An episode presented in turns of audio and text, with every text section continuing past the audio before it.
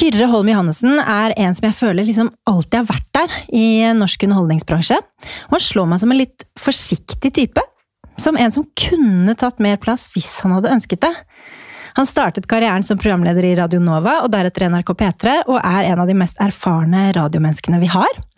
I dag kjenner vi ham best som programleder i podkasten Krisemøter, der han intervjuer kjente nordmenn, men det er på ingen måte det eneste han driver med. Og jeg lurer på hvilke hendelser i Kyrres liv har preget ham mest? Hva skjedde egentlig på veien i Kyrres liv som har ført ham dit han er i dag?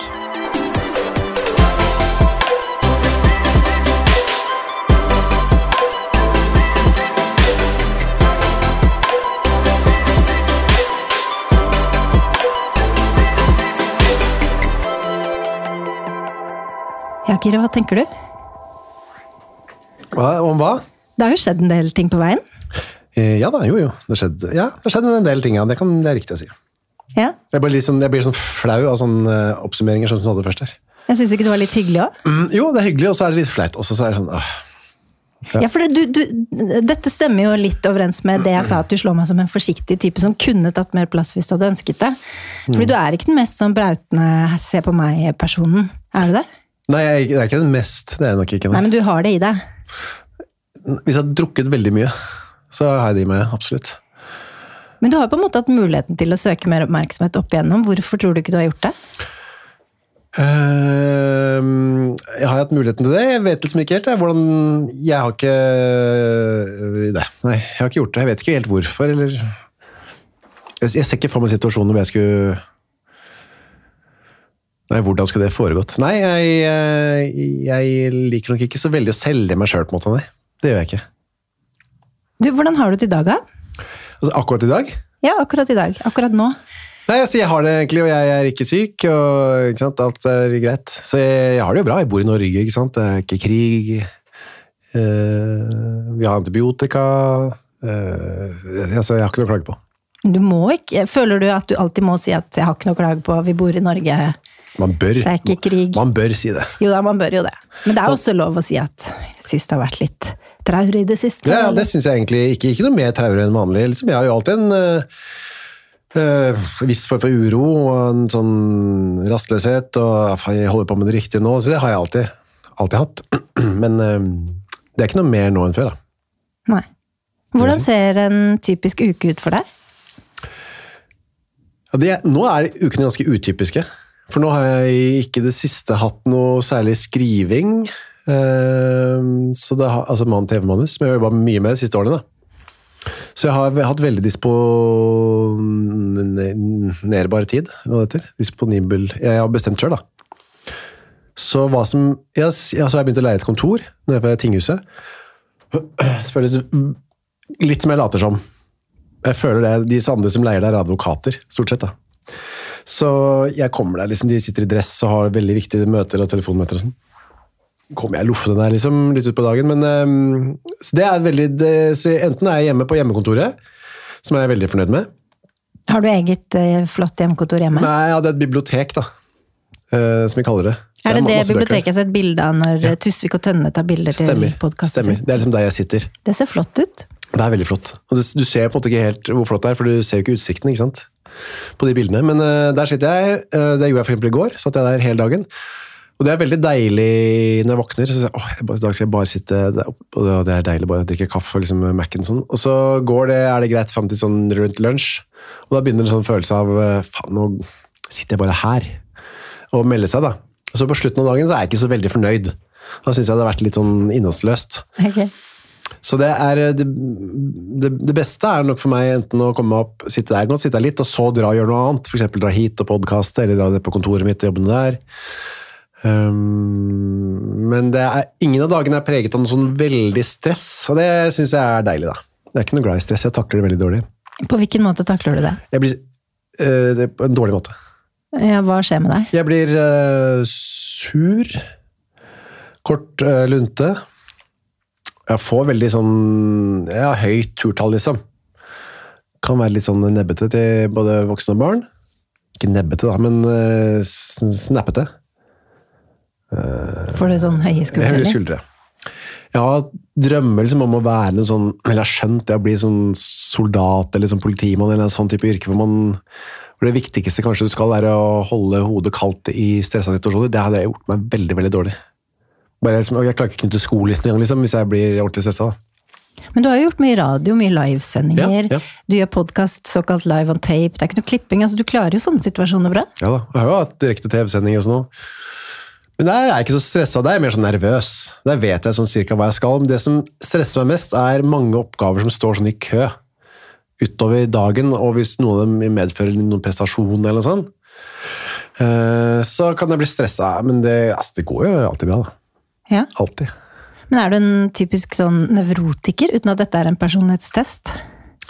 Ja På, på, Ikke det en som blir fort stressa og får litt Jo. angst, og Litt. at ting setter seg i kroppen på et vis? Mm, det setter seg i kroppen.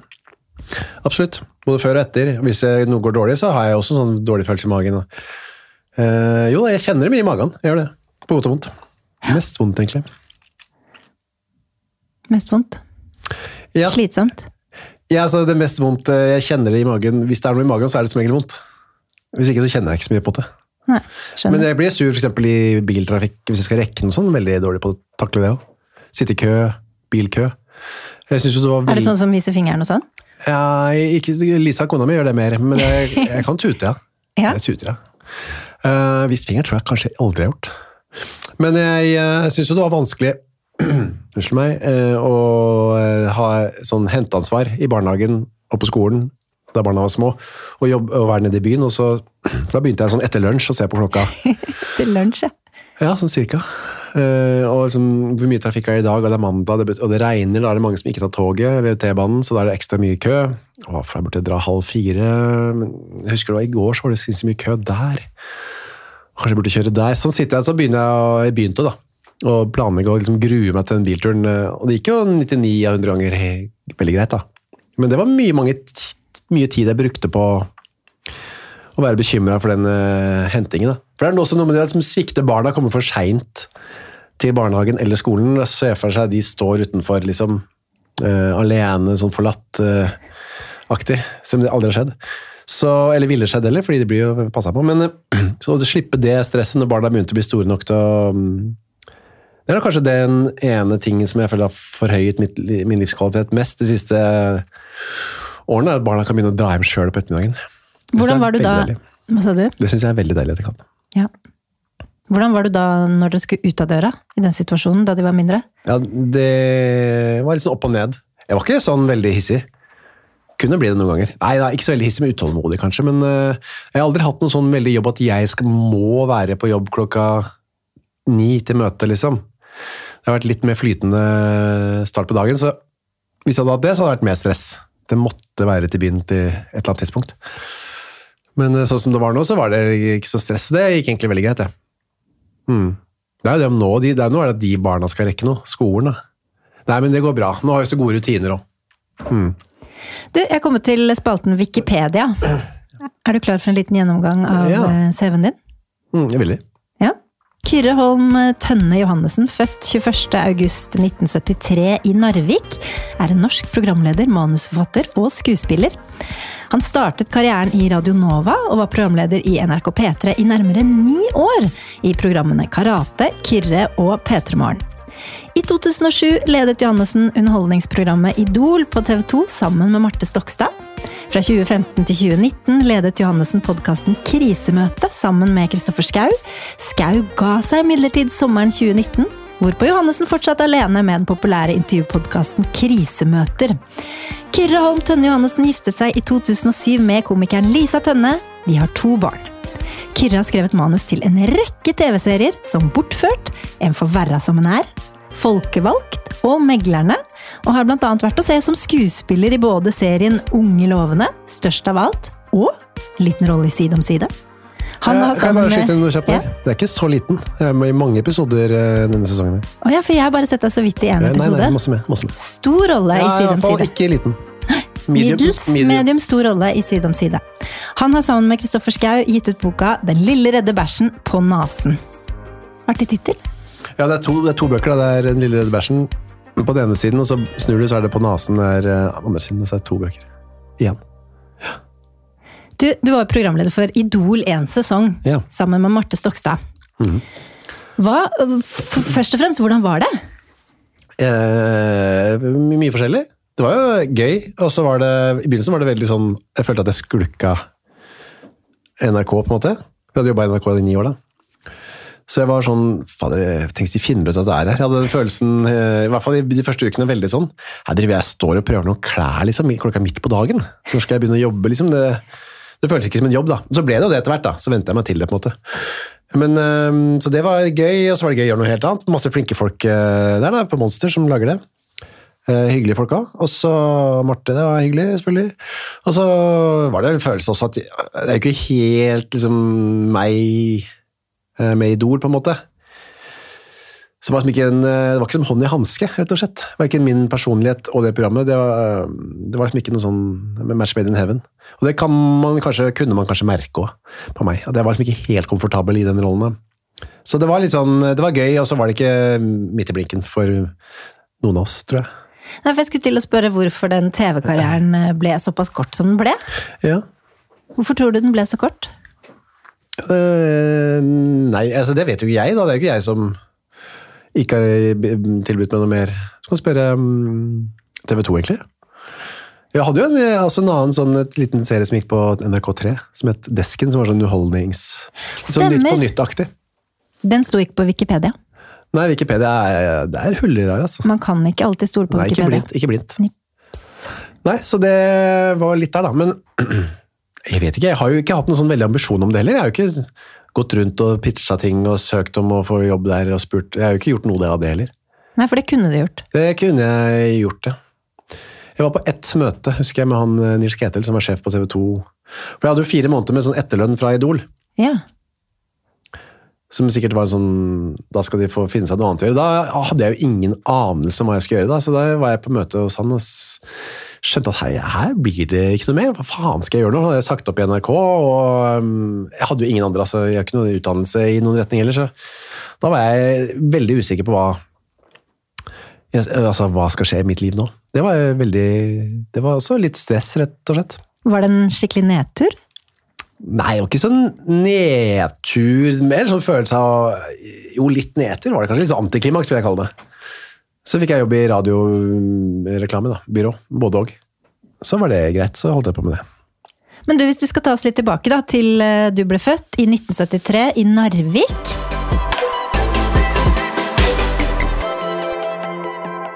Du er vokst opp i Bærum, eh, men eh, hvorfor er du da født i Narvik?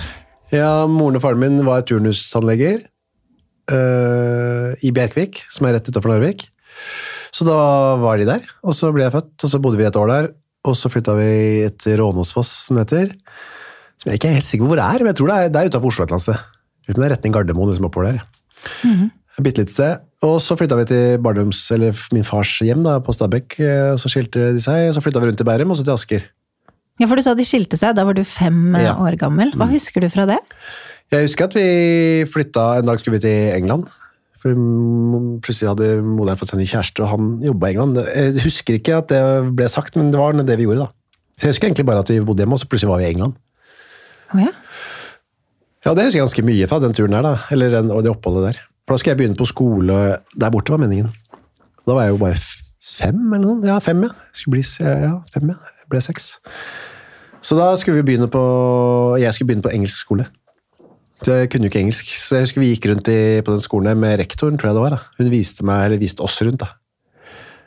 Uh, og snakket, jeg skjønte jo ikke ett ord. Så det var jo litt sånn Dette Lurer på hvordan dette skal gå. Men uh, så ble det noe rot med han uh, typen, så da flytta vi bare hjem igjen. da. Heldigvis så slapp jeg å begynne på den engelske skolen. Det er litt rart å tenke på hvis jeg hadde blitt boende. Det hadde sikkert vært veldig god engelsk. Helt sikkert. Jeg tror det hadde passa inn. Du ser litt sånn engelsk ut. ja. Ja, eh, er det kompliment, eller? Jeg vet ikke. Nei. Det er bare sånn du ser ut. Ok, ja. Det, men jeg sier takk til henne. Men du flytta hjem igjen til Bærum, Ja. og da mm, hadde du fortsatt barndomshjemmet ditt, som faren din bodde i, Mm. med farmor og farfar. Var de under etasjen? ja, de bodde i første etasje. Så du, var, du har vokst opp i en generasjonsbolig halve tiden. Mm. Nei, vi var ikke hjemme hos han halve tiden. da. Vi var jo sånn tredje, hver tredje helg, cirka. Ja. Men hvordan var det å ha generasjonsbolig, da? Det var jo praktisk. for foreldre ja, eh, vil jeg tro. Og så var det hyggelig for oss å være hos farmor og farfar. Men eh, nei, så det var, ja, det var helt fint, det, altså.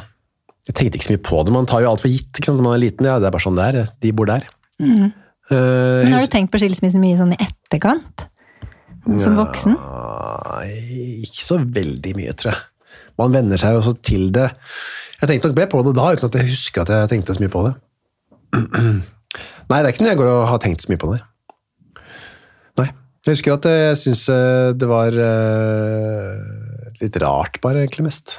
Så husker jeg altså jeg spurte, jeg husker jeg spurte hvorfor skiller dere dere. Ja, så var det noen som svar med at det skal du få svar på når du blir eh, stor nok. Så jeg har vel egentlig aldri fått det svaret. Jeg venter egentlig litt fremdeles. Selv om jeg har en viss følelse nå, da. En anelse om hvorfor. Hva er den anelsen? Nei, men det er jo Hvorfor blir folk skitt, liksom? Nei, men eh, Nei, jeg lurer ikke så veldig på det egentlig lenger heller. Nå. Jeg føler at jeg vet det. Så Nei. Jeg kan ikke egentlig huske så mye tanker og følelser rundt det, bortsett fra at jeg eh, på en eller annen måte bare aksepterte at det var sånn. For man gjør jo ofte det man foreldrene sier at nå er det sånn, ja vel, så de vet jo best, da. Ikke sant? Så da er det vel sikkert meningen at det skal være sånn. Og så, Jeg var i hvert fall ikke noe veldig sånn til å protestere noe veldig, eller stille noe veldig spørsmål eh, til det. da, og, Eller ikke ga noe særlig uttrykk for noe motvilje, eller Jeg kan ikke huske i hvert fall det. Så jeg dilta bare etter, det, så vidt jeg husker. Mm. Hva slags typer er foreldrene dine? Hva slags hjem er du vokst opp i? Eller hvilke to hjem er du vokst opp i? Ja, det er jo tannleger, da, begge to. Eh, er eller var, da. Eh, fordi jeg er pensjonert. Men det er jo altså tannlege fra Bærum, det er jo ganske ryddig hjem. Men moren min er jo mer ryddig enn faren min, da. Bokstavelig talt. Altså, hun har det mer ryddig. Og er mer ryddig òg. med bøker i hyllene og middag og lø- lørdagsgodt. Ikke noe ellers på hverdagene. Veldig tradisjonelt tror jeg, på 80-tallet og 70- og 80-tallet. Ikke noe bohemaktig. Eh, Selv om moderen var glad i å lese og sånn. da. Eh, Streit. Veldig streit og fornuftsbasert eh, hjem. Og trygt, da. Hos eh, eh, sånn var det veldig var alltid vært veldig trygg hjemme, på en måte. Hvordan var du som liten gutt, da? Møreoppdragen. um, det fikk jeg alltid høre hvis det var noen sånne taler eller man snakket om meg til andre. Så var det alltid veloppdragen, et av de ordene som eh, gikk igjen. Som jeg husker at jeg syntes var litt sånn åh, Kunne vært kult med noen andre egenskaper enn å være så veloppdragen òg. At jeg savna det litt. Men um, det stiller stille, ja. Jeg gjorde som jeg ble bedt om. Men eh, så hadde jeg en store lillesøster som jeg passa mye på. Eller vi var mye sammen, da. Og da var vi jo mer sånn fri og tulla og sånn, slapp oss litt mer løs, da. Eh, Så jeg er veldig glad i å lese. Leste veldig mye. Hardy-guttene og eh, Donald og alt mulig da. Eh, Så jeg likte å være aleine. Samlet du på de der Donald-bladene i sånn, Sånne permer. sånne permer? Ja. Ja, en periode gjorde jeg det. Vi abonnerte på Donald. Jeg husker også at jeg fikk eh, Donald, altså jeg fikk penger, fem, det lå en femmer på skatollet på Østerås der vi bodde. Så jeg kunne løpe ut og kjøpe Donald når jeg kom hjem fra skolen. Da. Så vi kjeda meg ganske mye. Sånn som det året der, første klasse, på Eiksmarka skole. For da bodde vi på Østerås. Og jeg kom hjem fra skolen, eh, jeg vet ikke når det slutta, men kanskje ett eller to, eller Da var det jo ingen hjemme hos oss. Altså ikke noen barnevakt eller ingen foreldre eller noe. Og søsteren min var jo sånn dagmamma. Så da, altså de timene der, som var sånn tre, fire, fem timer helt aleine hver dag Jeg hadde, hadde akkurat flytta dit, så jeg hadde ikke noen venner der heller. Fy fader, jeg husker altså de timene snegla seg fram, altså. Kunne sette på radioen liksom og høre på noe ja, noe klassisk musikk, da, noen nyheter liksom. Det, hvor spennende er det for en sjuåring? da? Og så var det å lese Donald, da. Det hadde jeg lest kanskje tusen ganger siden uh, det kom ut. Hvis det ikke var den dagen det kom nytt, da. Ja. Da var det jo helt lykke, selvfølgelig. Så var det kanskje å snike seg inn på rommet til broderen, for han hadde et rom, selv om han egentlig bodde hos eh, faren min, så hadde han et rom der vi bodde også. Han kunne jo ha slumpet å ha litt mer spennende ting inn på rommet sitt, da. Sende, kanskje noen sjokolade han stukket unna, eller Så kanskje en ekspedisjon inn der i løpet av ettermiddagen. Så har jeg bare sittet og ventet på at eh, moderen skulle komme hjem, da. og håpe at hun hadde noe godt til middag. Men kanskje det gjorde at du ble litt kreativ? At du måtte Eh. kjede deg så mye? Jeg vet at folk uh, sier det, at uh, barn burde kjede seg mer, men jeg vet ikke, ass. Men Jeg ble noe kreativ av det, at det var det som gjorde det. Men jeg ble i hvert fall vant til å klare meg sjøl, eller på en måte å Jeg trives jo nå veldig godt med å være aleine, da. Så jeg vet ikke om jeg venter meg til det, eller det var flaks at jeg gjorde det. Men det, nei, fy fader, det var, det var mye kjedsomhet, de, det, særlig det førsteklassåret, altså. Men begynte du å vise litt sånn takter i forhold til det å lage ting, altså type radio, videosnutter eller stå på scenen eller sånne type ting? Ja, etter hvert så gjorde jeg det, da. Ja. Lagde sånne radio, husker jeg, farmor da, som snakket om, hun hadde jo sånn kassettspiller som søsteren min og jeg lagde, tok opp eh, sånne intervjuer mm, og sånn. Så det vi hadde noen sånne fore, noen forestillinger for de da, spilte noe sånn Pelle Parafin. Eh, ikke spilte da, men sang da, lot som de spilte. Det var eh, veldig artig, fordi de syntes det var så artig. Farmor var sånn, er det beste jeg har sett. Fantastisk underholdning, det virka virkelig som hun mente da. Så det var jo øh, i, Alle som har små barn, vet jo at det kan være noen ganger de skal framføre noe litt vanskelig å mobilisere sånn veldig ekte entusiasme. da. Og barn merker jo sikkert ofte det at dette sier du kanskje mest fordi du er, er mammaen min, liksom. Men der var det noe sånn Fy fader! Jeg kan ikke tro hvor talentfulle dere er. Eh, Så det var jo veldig gøy, da. Så jeg syns jo det var gøy, og etter hvert så mm, jeg- Da jeg gikk i sjette klasse, så lagde jeg hadde vært og sett Per Gynt på Nationaltheatret. Eh, Med han Stein, Svein Sturla Hungnes eh, som Per Gynt. da. Veldig kjedelig, egentlig. Dritkjedelig. Så langt. Og så kjedelig. Men uh, samtidig også litt fascinerende med teater og skuespill og røyk og masse som skjer. Så da hadde jeg, altså hadde jeg hørt at moderen de hadde hatt noe, sånt per, noe som het Per Grynt på, i studietiden. Så fant jeg at de skulle lage et teaterstykke som het det. da. Per Grynt. Ja. Så da skrev jeg det. Jeg hadde noen venner også, eller noen klassekamerater som jeg gjorde litt sammen med, men så var jeg med i det. da, jeg Spilte Per Grynt, selvfølgelig. Eh, først en versjon som ble sensurert av lærerne. Til min store skrekk, altså. Hva var det som ble sensurert? Nei, det var når Per Grynt kommer til um, Dovregubbens hall der, så var det en For det var jo alt det fulgte liksom handlingen i Per Grynt, da. Med en liksom eh, kulere Istedenfor at en red på en bukse er en moped, ikke sant. Sånn type ting. Da. Uh, så var det kuleste jeg visste. Moped. Jo, Dovregubben hadde, var sånn narkotype, så han hadde mye sånn dop da, som han skulle selge. Mm. Og det mente de lærerne at eh, det ville være støtende, tror jeg, for, for eh, elevene. Og ikke minst lærerne, som nei, jeg mener foreldrene som kom og så dette. da. I tillegg til at det var en del sånne absurde hendelser og sånn, da, som ikke ga noe mening. Ikke for meg heller, da, men jeg syntes det var kanskje litt gøy, da. Uh, jeg synes jo alt sånn Lysta Mjøen og alt sånn var liksom det morsomste. Som, så, hvis det var absurd, så- så var det gøy, på en måte. Ja. Eh, Så skrev de om litt, da. Liksom, la inn noe sånn Sorbas-dans, sånn, sånn drit, da, i mine øyne. da, Sånn publikumsfrieri, i mine øyne. da. Men eh, det var ganske tydelig at det, det, noe måtte bli sånn, ellers så ble det ikke noe av. Så da var det greit, da.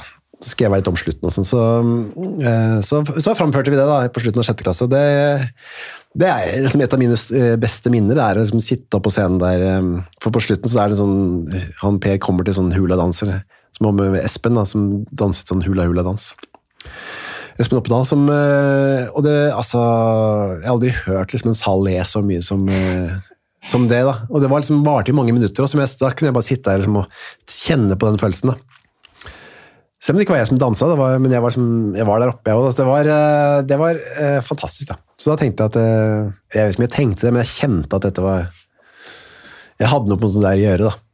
Så da ble den lille, kall det programleder, skuespiller, eh, spiren sådd Ja, det ble i hvert fall vannet litt, det der eh, oppmerksomhetsfrøet der, ja. Ja. Jeg liker å stå, hvis jeg har liksom litt kontroll på det, og få oppmerksomhet eh, på den rette måten. Litt sånn som skuespillere er, har en følelse av. De må ikke liksom bli sett på feil eh, tidspunkt. Det er veldig ubehagelig. Å bli liksom kalt fram plutselig og skal holde en tale eller noen Det kan være vondt, men hvis man har liksom regi på det sjøl, så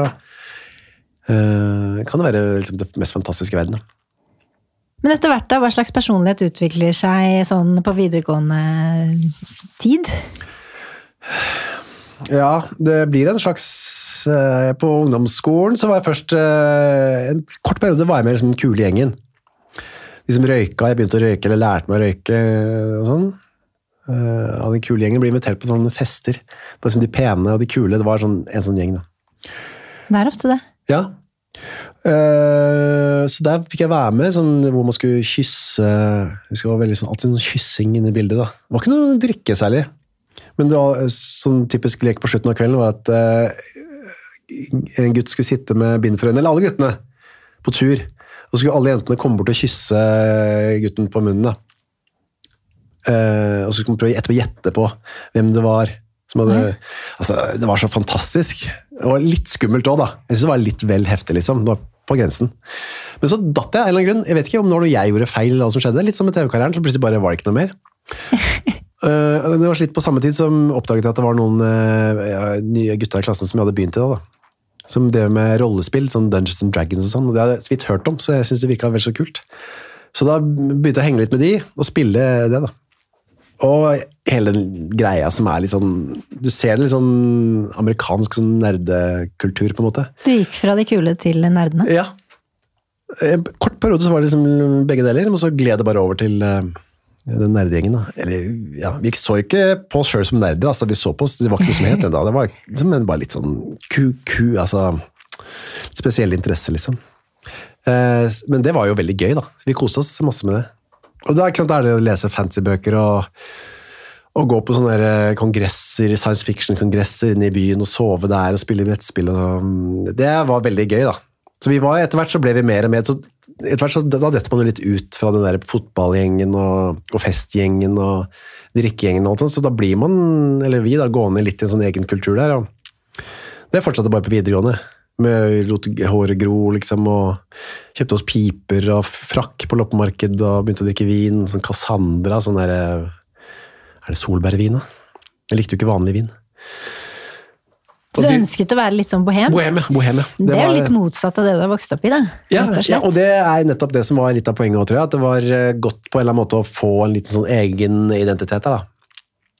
Eh, slags opprør, rett og slett. Og begynte å røyke ikke sant? og drikke. Det var jo, altså Drikke gjorde de, men litt i hvert fall. Eh, Det å røyke spesielt var veldig som man ikke gjorde hjemme hos oss. da.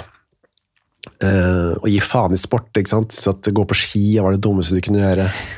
Det var jo Hans Jæger, sant, som var um, Bohemens liksom, ledestjerne. Han, han var liksom helten. Han syntes jo Nansen og alt det der norske skigreiene var noe piss. ikke sant? Eh, bare skulle sitte inne og ha syflis liksom, og drikke absint og bare leve en sånn hodeverden da, med ideer, revolusjon, anarki. ikke sant? Mm. Det var helt fantastisk da, å finne en sånn, noen sånne knagger. Og, og Derfor gled jeg litt over i Natur og Ungdom. da. Det hørte litt sammen, en eller annen merkelig grunn hørte det litt sammen med det. Det var litt med venner og sånn, hva de velger. Og, så, og der møtte jeg jo jenter igjen, da. Så da var det liksom, og da kom vi inn i en sånn mer sånn fest. Så da var jeg, Etter det så kom jeg liksom tilbake til en sånn litt mer em, sosial eh, eh, tilværelse, da. Hvor jeg møtte andre folk enn de bare de rollespillvennene. Det var også godt, da. Men var du opptatt av å være smart? Ikke smart, men eh, altså, klokere, da. Litt klokere enn de andre, som skjønner litt mer av hva som er greia. Så veldig ned på alle de idrettsgutta, spesielt i klassen. da. Det er rart, for jeg innbiller meg at man gjorde det mer før. Ja. Eh, Nå er på en måte Nå får idrettsfolk lov å være smarte også, på en måte. Eller de blir godkjent i de intellektuelles eh, rekker, men det gjorde de ikke før. Kan det stemme? Er du litt enig?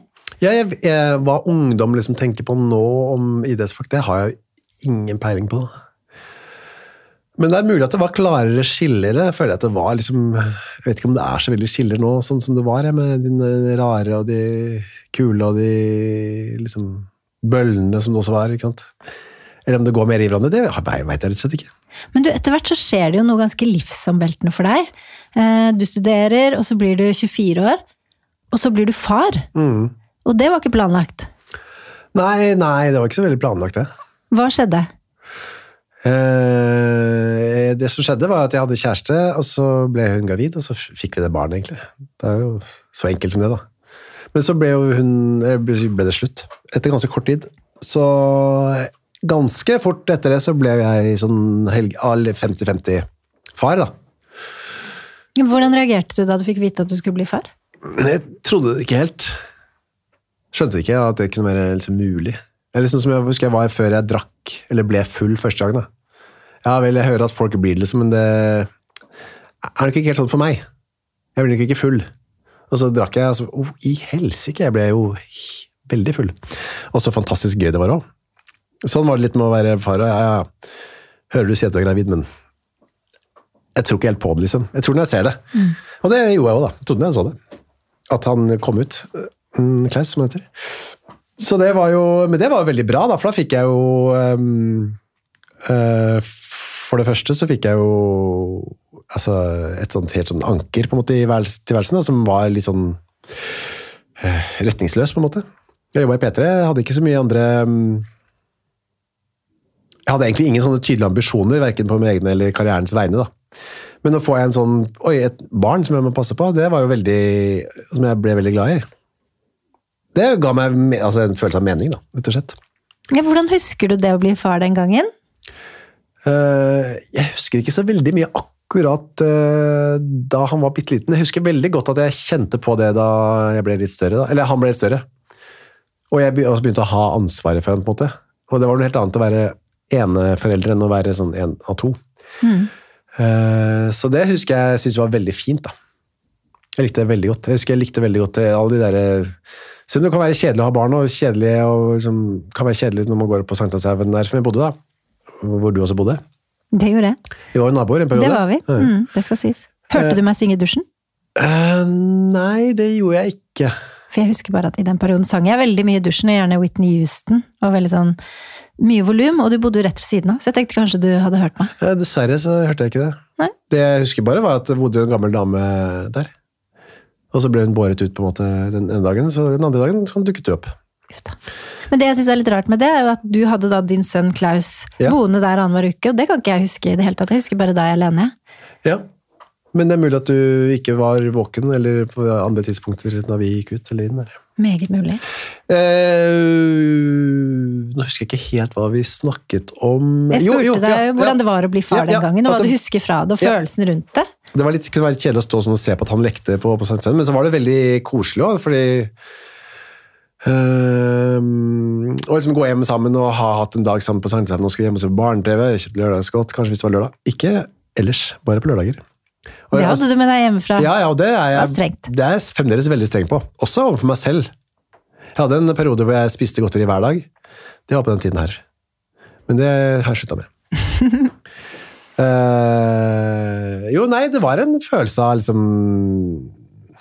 En eller annen retning eller et eller annet som ga en eller annen form for eh, feste, da. Til noe som kan være litt sånn, for meg i hvert fall, litt sånn rotløst. Som sagt så har jeg aldri hatt noen sånn veldig tydelige ambisjoner, eller veldig sånn Jeg skal dit, jeg skal oppnå det. Jeg er veldig sånn fra dag til dag, egentlig. Eller fra uke til uke, i hvert fall. Jeg tenker aldri noe lenger enn det. Veldig Men det må ha vært litt sånn stor kontrast da, fra den uka du hadde han Ja. Mm. eh, lille Klaus, til den andre uka, hvor du var en eh, ung fyr på 24 Ja. som levde livet. Ja, det var det det var. Veldig store kontraster. Så jeg var jo veldig mye ute også de ukene jeg ikke hadde han. Eller altså, jeg var ute i hvert fall to-tre ganger i uka, da. Eh, Så det var jo Da måtte jeg liksom kompensere òg, for jeg hadde vært mye hjemme i det siste. Liksom, så da måtte jeg ta, og bruke den tida maksimalt. Så det var jo ofte den dagen jeg skulle hente han, var jeg ofte veldig fyllesyk. Hadde vært på festdagen før. Det, eller ikke ofte, men det hendte. Eh, og så Da var det jo deilig å huh, nå er det en uke med jeg kan slappe av og være sammen med han og de nære ting sammen med han, og så er det mer gøy enn etterpå. Det var sånn gøy og kjærlighet og tøylesløshet. Det gikk sånn hånd i hånd. Det var en eh, uh, balanse. I hvert fall så var det Jeg tør ikke tenke på sånn hvis jeg ikke måte, hadde hatt noe som hadde bundet meg litt til jorda den tiden her. altså. Men du klarte å jobbe. Ja, ja, ja, det var ikke så ille var det jo ikke da. Men jeg- sånn jobbe i anførselstegn, jeg jobba jo i P3 med å være sånn reporter, det var jo noen timer i uka, men, eller per dag da. Men det er jo ikke en hard jobb. Alle klarer det. Men du starta jo karrieren din i Radio Nova. Mm. Og det er litt morsomt, fordi du fortalte meg før opptaket at eh, sønnen din Klaus, han jobber nå i Radio Nova. Ja, nå har han vel tatt seg en pause, eller sånn, men han har jobba der et halvannet år eller sånn, to år. Akkurat samme sted oppe på Chateau Neuf der. Det er mange som har starta der. Mm. Hvordan var det å starte opp der? Ja, det var jo, he, det var jo helt fantastisk. Da. Det er jo første gangen jeg, og siste egentlig, jeg har skjønt at, eller følt at å, ja, det er dette jeg kan drive med. Ja, her er noe jeg kan, Litt sånn som å sitte på scenen i, i, på Per Gynt der, så var det en sånn Ok, dette føles riktig-aktig. Jeg, jeg følte at jeg hadde noe der å gjøre, og at det var kule folk som jobba der. og Radio Nova var på den tiden der. Jeg er ikke helt sikker på åssen det er nå, men da var det litt sånn De gamle på Radio Nova var, hadde svarte klær og hadde vært med på mye og røyka rullings og var kule, liksom. Ikke sant? Bodde i kollektivet gamle i byen og røyka litt hasj der, og hadde vært på noe blitz-greier der, og noe med kemneren der, og purken der, og Og de kunne alt om musikk. jeg kunne alt om musikk og alternativ kultur, ikke sant? I hvert fall følte jeg det. Så de, bare for liksom å henge med de og være en del av de, var- synes jeg var helt rått. Så det synes jeg var veldig, veldig veldig kult. Og da skjønte jeg at uh, dette har jeg lyst til å holde på med. da. Og det har jeg gjort da. da. Jeg har jo jobba med lyd eller radio på en eller annen måte siden da. da. Så hvis man skal snakke om sånn milepæler i ditt liv så langt, da, så er det Per Grynt og Radionova og Mm. Ja. Klaus, sønnen din. Ja, Ikke sant? Vi er kommet dit. absolutt. Så var det jo også i radiosammenheng jeg møtte kona, da, Lisa Tønne. Så det hadde heller ikke skjedd hvis jeg ikke hadde begynt i radio nå. Hvordan møttes dere? Vi møttes på i P3 i morgen, som jeg jobba i da. da. Hun var gjest, som gjesteprogramleder, som det het. Ja, hvordan var det å møte henne første gang? Ja, hun kom litt seint, husker jeg. Hun rett før sending. Altfor seint. Og vi kom med bikkja si, da, hadde med Jippi, hunden. Cocker Spaniel, som hun mente var liksom, hun skulle ha med sånn personlige ting. Alle skulle ha med det. Som var sånn gjesteprogramledere. Ja. Ja, det er Jippi som er min. Og så, ja, nå er det bare slapp, liksom, ta med deg bikkja di og si at det er en personlig ting. Så jeg var litt sånn, ok, hvordan... Men så var det jo veldig hyggelig når vi først begynte. Hun var jo veldig god. Så det var god stemning der. Men det var ikke noe sånn havet delte seg og himmelen falt ned. Dette var det ikke for noen av oss, tror jeg. Men det var jo såpass god stemning at vi hadde lyst til å møtes igjen, og så gjorde vi det. Jeg sendte jo et par meldinger etterpå, litt sånn uryddig gjort da, av meg. Ja, fordi det var, du var, eh, det var i profesjonell Ja. sammenheng? Men jeg vet ikke, jeg hadde aldri fått noen beskjed om at jeg ikke skulle gjøre det heller. Det var ikke noe sånn uttalt at man ikke skulle gjøre det, så jeg følte det var på ikke så tynn is. Jeg gjorde det i hvert fall. Og så, men så, altså, så tok hun opp tråden et par uker etterpå. Da, så, da møttes vi da. Så hyggelig. Ja, det var hyggelig. ja. Og dere Absolutt. gifta dere i 2007. Eh, året etter, ja. Så ganske kjapt. Fridde du, eller? Eh, Jeg fridde, ja. Kan du fortelle hvordan du gjorde det? Eh, jeg, det var bare at jeg spurte om vi skulle gifte oss. Det var ikke noe mer spektakulære greier enn det. I sofaen hjemme der jeg bodde. Så du gikk ikke ned på kne og kjørte full pakke? Nei, nei, det gjør jeg ikke. Det er ikke din stil? Nei, det er vel ikke helt min stil, nei, uten at jeg har noe sånn veldig stil på frierier. Men jeg er, du har ikke gjort det så mange ganger, det er kanskje? bare den eneste gangen jeg har gjort det. Så det var bra uttelling, 100% og de gangene jeg har spurt, har jeg fått ja. Nei, jeg, husker jeg, satt, jeg husker hvor det var, det var i sofaen. Jeg var veldig fornøyd med sofaen. Jeg kjøpte kjøpt den på Room, som var liksom den kuleste møbelbutikken på den tida, på Vinneren. Ja. Veldig liten da, sofa. Tosetters. Ja, så spurte jeg kanskje vi bare skal gifte oss, eller noe sånt. da. Vi hadde vært sammen i to måneder, så det var jo ganske tidlig, da. Er- To måneder, da? Ja, det er ganske Det er tidlig. Tidlig, ja. Nå, er- vet, Det er sporty, da. egentlig, eh, Av begge, egentlig, ja. Ja. Mm. Ja, for svarte hun ja med en gang? Ja, ja, det tok ikke lang tid. Det var ikke noe sånn ja, 'dette må jeg tenke på', nei. Hva slags kjæreste er du? Uh, hva mener du? Men På hvilken måte er du kjæreste? Hva er ditt kjærlighetsspråk? Er det ikke det man sier Ja, ja, i ja, 2021? ja, ja, det er altså skjønt. Det er kjærlighetsspråk, ja. Det er bra. Det er konkret. Hva slags type kjærlighetsspråk har du? Hvilket kjærlighetsspråk snakker du? Det er kanskje et riktig spørsmål. Mm, Jeg, eh, det er et godt spørsmål. Jeg er jo da ikke sånn veldig sånn romantisk på sånn levende lys-aktig måte. Jeg glemmer også å kjøpe gaver og sånn, tenker jeg ikke så mye på. Det er jeg ikke så god på, men jeg, det jeg er god på er eksempel å eh, lage mat og lage kaffe, og kjøpe en ting og passe på ting. Så du glemmer bryllupsgaven på bryllupsdagen? Eller den Jeg vet ikke om man skal gi det når man har vært gift i fem år, for Nei, det gjør, det gjør ikke vi, altså. Nei. Fins ikke noen regler der. Det er noen regler. Vi har ikke vært så nøye på de tingene. Jeg er vel mer sånn på oppmerksomhet, kanskje, Å ordne til rette og gjøre hyggelige ting og invitere eller lage middager og liksom stelle i stand. Uh, tenne peisen, liksom, gjøre det sånn hyggelig på den måten. da. Og det er veldig hyggelig å komme hjem, for eksempel i går så kom hun hjem og så hadde jeg tent i peisen opp og nede. Som er uvant for meg, for jeg liker ikke å sløse med ved. Nei. Ved syns jeg er veldig et stort gode for å ha mye av. Men det er mye å ha to peiser, da. Ja, Dere valgte å ha det? Vi valgte det, ja. Uh, vi bygde på vet du, i fjor, så måtte vi ha en heis. Kan ikke ha en etasje uten heis. Det blir rart. Du mener peis? Hva sa jeg? Heis? Ja, heis har vi ikke. Nei. Nei, for jeg begynte å lure. Jeg bare tenkte jøss, Ja, det det heis? kunne vi hatt. Opp til biblioteket. Nå vurderer jeg, egentlig skulle jeg ønske at vi hadde peis også opp på biblioteket. For det er en pipe der. Men eh, ja, også tenne peisen opp og nede. Det kom fra ridning, sant? og jeg hadde kjøpt mat, laget mat. Tenne lys, gjøre det klart. Altså, gjøre det sånn hyggelig, da. Det er liksom kanskje min som mest sånn kjærestete, kjærlighetsspråkaktig eh, måte å være på. Ja. Men du, vi har jo alle hørt på podkasten Tusvik og Tønne, eller mange av oss, da.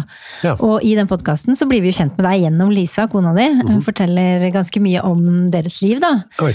Eh, Men du har ikke fått med deg det? Ja, altså, jeg vet jo at hun til minst viss grad gjør det, men jeg har ikke hørt noe særlig. Nei. Nei, fordi jeg tenkte litt på hvordan du opplever det. At hun snakker såpass mye om deg og dere og livet. Ja, ja. Hvordan er det for deg? Jeg vet, jeg, jeg vet jo ikke uh, hva hun sier. Så jeg uh, Nå strekker jeg litt på meg. Syns det er litt ukomfortabelt? Ja, altså, jeg kan jo bare spekulere, da. Det er jo folk som sier sånn «Oi, hø- Hører du på Tusvik og Tønner? Husker jeg hva en som sa. «Ehm, nei, jeg hører ikke så mye på det. Nei, det er nok like greit. så da kan jeg bare gjette meg til. Men jeg har jo Nei, så jeg, men jeg har ikke altså, Herregud, jeg har ikke noen hemmeligheter der, så det er jo greit. Det, det, altså, det er ikke noe stress. Hva sier foreldrene dine også? sånn? Til hva? Til Tusvik og Tønne? De, de sier ikke noe til meg om det. Jeg tror ikke de hører kanskje på heller det. Eller det vet jeg ikke. Og hvis de hører på, så sier de ikke noe til meg.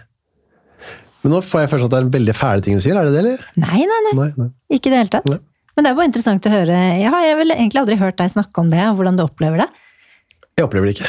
Nei. Det er ingen som eh, konfronterer meg med det heller, så eh, Nei, jeg bare vet at de gjør det, liksom, så det får bare, de får holde på. Det er helt greit for meg. Samme for meg. Men du, eh, det var jo eh, en episode her for noen år siden, hvor, et par år siden, hvor da Lisa fortalte veldig mye om en spesifikk hendelse i deres eh, privatliv. Ja. Fire år siden er det. Fire år siden, Fire og et halvt, faktisk. Kan jeg spørre deg nå, hva var det som skjedde egentlig? Eh, ja, altså hva som skjedde Det som skjedde var jo Det var utroskap. Det var det det var, og det fortalte hun vel også i podkasten.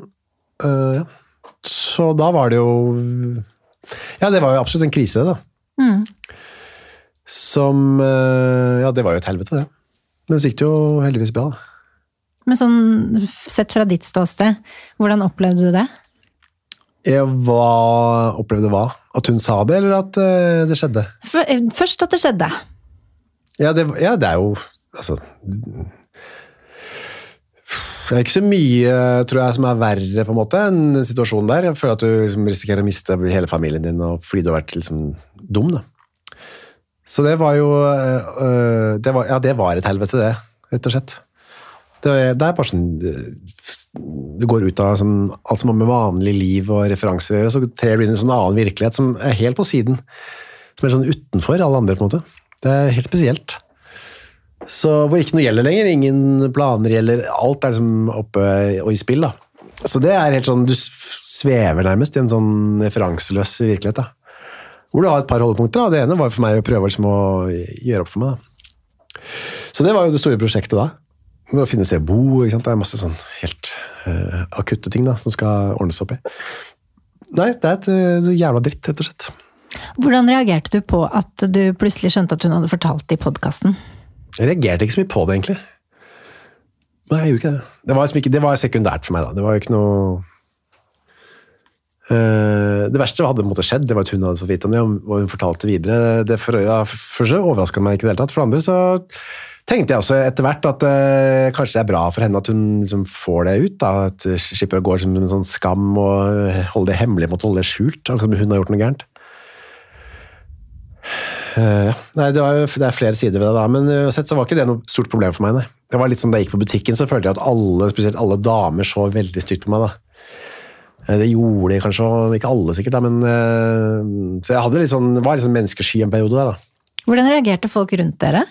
For det ble jo litt sånn litt smådramatikk rundt det når de lanserte de podkastene. Ja, men jeg isolerte meg ganske fra det der, ass. Jeg snakka ikke med så mange heller, for å være ærlig. Nei, jeg hadde jobb og sånn å gå til, og det husker jeg var veldig ålreit.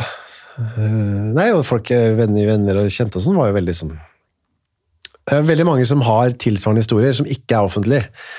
Det er veldig mange som har enten vært utro eller opplevd utroskap fra partneren sin, som eh, har gått og båret på det uten at eh, folk vet om det. da. Mm. Kanskje bortsett fra de aller nærmeste, kanskje. Mm. Eh, så mange av de som sa til meg eh, jeg, jeg vet liksom hva det er Jeg har vært med på noe tilsvarende selv, på den ene eller andre siden. Da. Så jeg var jo på en måte ikke Det gjorde at jeg ikke følte meg liksom aleine om det. Det var jo det er alltid godt, da. Å ikke føle seg aleine, liksom. Helt aleine. Men har du forandret deg etter det skjedde? Jeg, litt har jeg nok forandret meg etter det, ja. På hvilken måte da? Jeg syns ikke det er så farlige ting lenger. Iallfall ikke å holde ting hemmelig. Og, og så var det jo mye sånn Jeg var jo mye sånn terapi og sånn etter det. Jeg var på en sånn kurs i Sverige med en sånn helt eh, drøye terapigreier. da. Hvor det er sånn eksponeringsopplegg. Du skal liksom bli kjent med alle de følelsene på innsiden. Så det at folk eh, liksom, Før var jeg ganske redd hvis noen ble veldig sinte eller veldig lei seg. Eller ikke redd, da, men jeg syntes det var ubehagelig. da. Hvordan skal jeg takle dette her? Jeg synes det var ubehagelig å være i samme rom med sterke følelser, men det, det syns jeg ikke lenger. da. Nå tåler jeg det veldig godt. Det er jo fint i forhold til barna, da. Jeg tåler deres sinne og gråt og så mye bedre enn jeg gjorde før. Jeg sier at jeg aldri lar meg påvirke, altså. Og hvis særlig Lisa blir sinna, så kan jeg bli ganske sinna tilbake. Det skjedde også i går, faktisk. Ja. Men det må være deilig å være så åpne om dette som dere er, om ekteskapet deres og krangling og livet. Det må jo være noe befriende med det òg. Ja, ja, man slipper å mm, altså, Folk er forskjellige. da. Kanskje noen syns det er deilig å holde det for seg sjøl, det vet jeg ikke. Men det er jo mindre du trenger liksom, for at du holder ting hemmelig, jo bedre er det å gå rundt og liksom, skulle skjule ting for folk, syns jeg virker. Og det, jeg vet jo litt, og det er slitsomt, da. Det blir sånn late som-opplegg. Nei, så det er eh, jeg er enig. Så det det er ikke så mye å Det er ikke så mye å holde skjult lenger.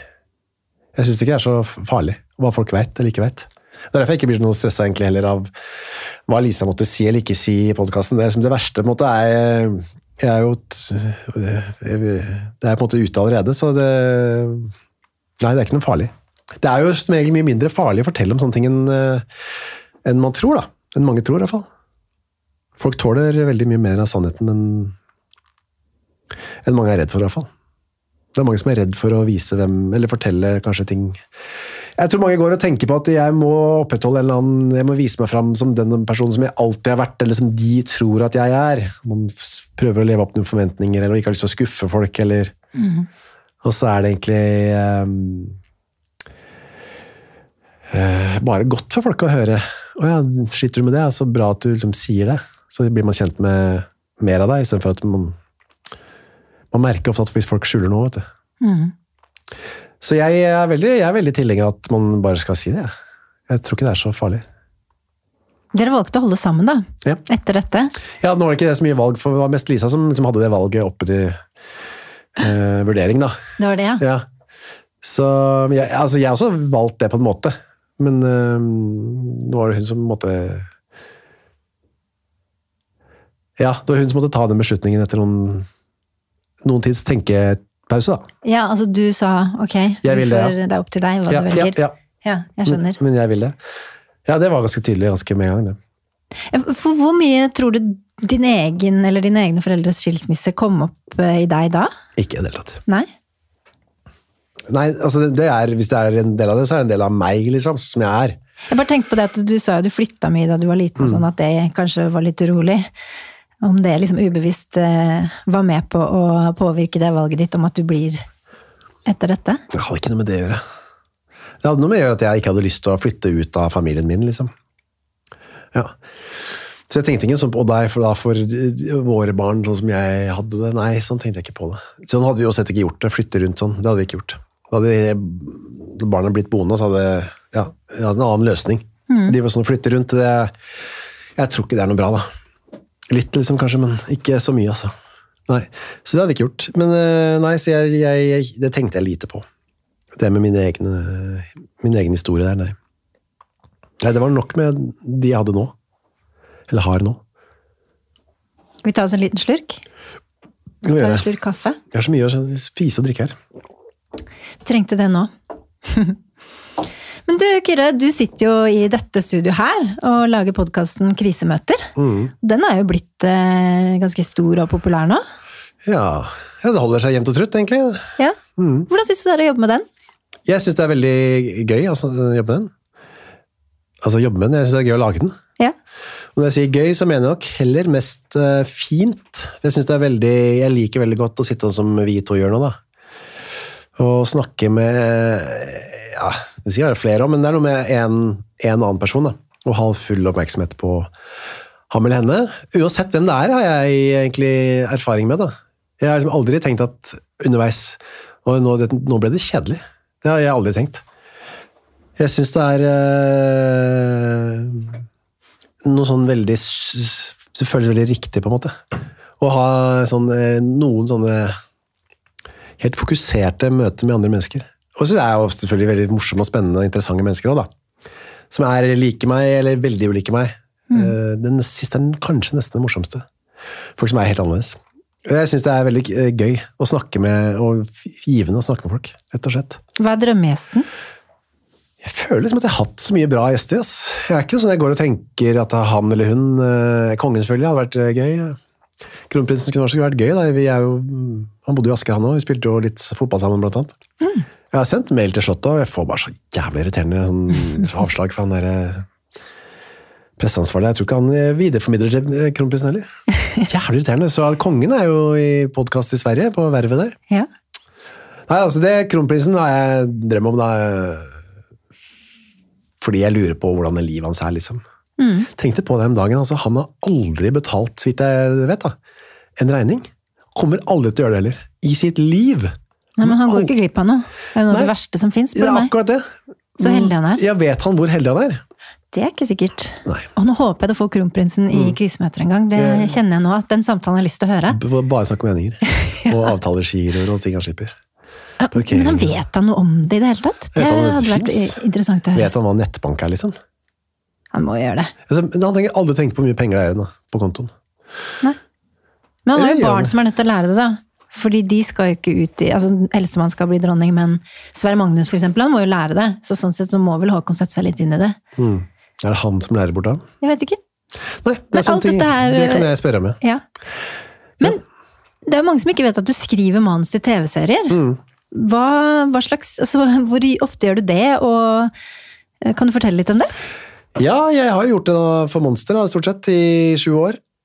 Eh, Nå, akkurat nå så har vi jo et manus inne hos noen forskjellige, så får vi se hva som skjer.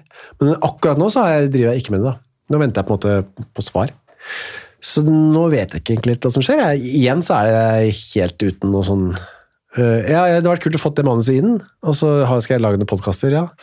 Og bortsett fra det så har jeg egentlig ikke så mange planer. ass. Men er, jeg liker jo veldig godt å skrive også, da. Er, jeg liker å gjøre forskjellige ting, liksom. Hva med å Eh, skrive en TV-serie med deg selv i hovedrollen? Nei, det kommer jeg ikke til å gjøre. Har du tenkt på det? Nei. Hvorfor ikke? Nei, Hvor skal jeg gjøre det, da? Kjemperart, men jeg skal gjøre det. Nei, det skal Det jeg syns jeg ikke er rart. Der har du den forsiktigheten som jeg var inne på innledningsvis. Ja, det er en eh, velbegrunnet forsiktighet i så fall. Men Kyrre, eh, jeg syns det var veldig hyggelig å ha deg med i podkasten. Hvordan syns du det har vært å gå gjennom livet ditt sånn, litt sånn fra til Å? Ja, jeg syns det er jeg syns det er artig. Jeg blir litt sånn selvbevisst på at uh, Det er jo ikke så veldig spennende for folk, men det er jo hyggeligst, som jeg sier da. Det er veldig fint å snakke med en annen. Og så er det jo hyggelig å snakke om seg sjøl. Eller at folk er interessert. Det er jo det er hyggelig, det. Man får jo snakke om ting som man vanligvis ikke snakker om. Mm. Litt som en terapitime. Ja, det er akkurat det. Det er lenge siden jeg har gått til psykolog òg. I mange år, ja. I forskjellige. Det, akkurat nå så har jeg liksom pause fra det, så det, kanskje jeg skal la meg inspirere til å begynne med det igjen. For det er, det er, tror jeg er sunt, det. Tusen takk skal du ha. Tusen takk for meg.